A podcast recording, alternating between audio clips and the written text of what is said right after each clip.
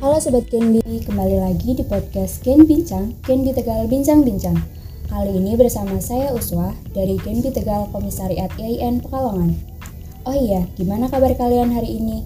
Semoga sehat selalu ya, karena sehat itu mahal kan Sobat Gen? Ada banyak cara untuk menjaga kesehatan, salah satunya dengan donor darah. Nah, berbincang mengenai donor darah, kita kedatangan teman kita dari Korps Sukarela PMI Unit IAIN Pekalongan, yaitu dengan Kakak Dwi Irma. Hai Kak. Halo, Eh, ini manggilnya Kak Dwi atau Kak Irma? Kak Irma aja deh. Oke Kak Irma, mungkin Kak Irma bisa memperkenalkan diri nih ke Sobat Genbi. Halo Sobat Gen, perkenalkan nama saya Dwi Irma Handayani, biasa dipanggil Irma. Saya dari Korps Sukarela PMI Unit IAIN Pekalongan sekaligus anggota Genbi Tegal Komisariat IAIN Pekalongan. Anggota Divisi Kesling. Berbicara mengenai donor darah nih, bagaimana sih sejarah donor darah di Indonesia Kak? Donor darah sudah sudah ada sejak masa kolonialisme Belanda. Terdapat organisasi Palang Merah Belanda di Indonesia dengan nama NERKAI, yaitu pada tahun 1667. Lalu, tepat setelah satu bulan Indonesia merdeka, yaitu 17 September 1945, Indonesia mendirikan organisasi sendiri dengan nama Palang Merah Indonesia. Setelah itu, tahun 1951,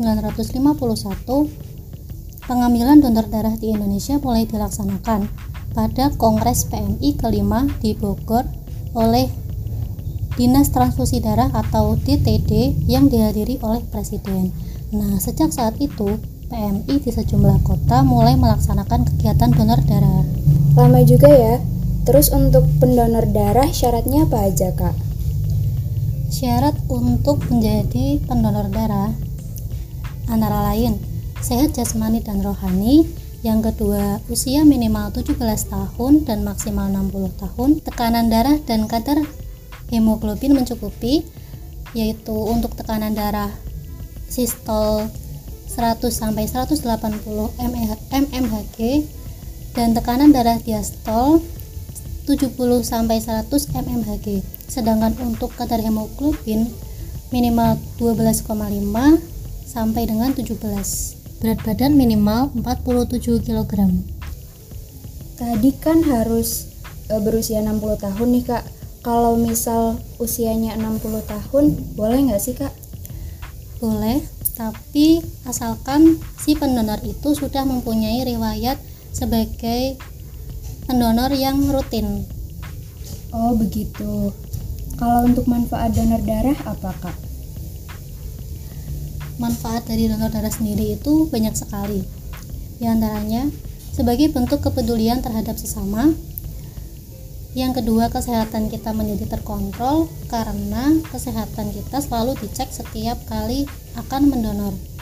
Yang ketiga, mengurangi resiko penyakit jantung, menurunkan kadar kolesterol dalam tubuh, dan memperbaharui sel darah baru. Wah ternyata banyak ya Kak manfaatnya. Setelah melakukan donor darah, itu justru akan mengurangi berat badan atau malah menambah berat badan sih Kak? Terus penyebabnya apa aja? Setelah kita mendonorkan darah, itu justru akan menurunkan berat badan karena dalam sekali donor darah dapat membakar kalori sebanyak 650 kalori saat memberikan 450 cc darahnya. Jika donor darah itu dilakukan secara rutin, maka akan menurunkan berat badan yang berarti. Biasanya apa saja Kak efek setelah donor darah? Menurut pengalaman beberapa orang yang sudah mendonorkan darahnya, efek samping setelah donor darah antara lain pusing, mual, dan lemas. Akan tetapi tenang aja. Efek tersebut biasanya dirasakan ketika kita pertama kali donor. Dan untuk rasa mual itu, saya punya tips untuk sebelum donor, sebaiknya kita jangan makan terlebih dahulu kalaupun kita setelah makan harus menunggu waktu dulu yaitu sekitar 30 menit Oh begitu.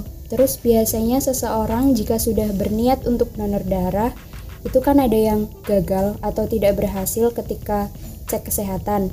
Seringnya tekanan darah atau HB itu tidak mencukupi. Apa sih Kak kira-kira penyebab dari dua masalah tersebut? Untuk masalah tekanan darah sendiri itu dipengaruhi oleh pola hidup. Sedangkan untuk kadar hemoglobin itu dipengaruhi oleh pola makan. Jadi kita harus menjaga pola hidup kita, pola hidup yang sehat dan serta pola makan yang sehat pula agar bisa mendonorkan darah untuk orang lain. Kasih tips dong kak agar kita bisa mendonorkan darah. Tips untuk donor darah. Yang pertama itu jangan begadang. Kalian harus punya waktu untuk tidur minimal 8 jam. Mengkonsumsi makanan yang mengandung zat besi dan asam folat seperti daging, sayur-sayuran, kacang-kacangan, dan ikan. E, kalian juga harus mencukupi mineral dengan cara minum air putih minimal 2 gelas. Oh, jadi begadang itu bisa mempengaruhi itu ya Kak untuk donor darah kurang maksimal ya. Jadi jangan suka begadang ya sobat Genbi. Terus donor darah itu kan secara sukarela ya Kak. Lalu kenapa sih jika seseorang membutuhkan darah harus membeli darah dengan harga yang tidak murah? Padahal darah tersebut didapat secara gratis dari orang lain. Oke, biaya tersebut itu bukan biaya untuk beli darahnya, tetapi untuk mengganti pengelolaan darah. Nah, pengelolaan darah itu ada banyak sekali dan itu membutuhkan biaya yang cukup mahal. Pengelolaan itu meliputi pengambilan donor darah, pemeriksaan uji saring, pemisahan darah menjadi komponen darah, pemeriksaan golongan darah, pemeriksaan kecocokan darah antara pendonor dengan orang yang didonorkan serta penyimpanan darah di suhu tertentu dan lain sebagainya. Kasih pesan untuk sobat Genbi agar jangan takut mendonorkan darah dong kak.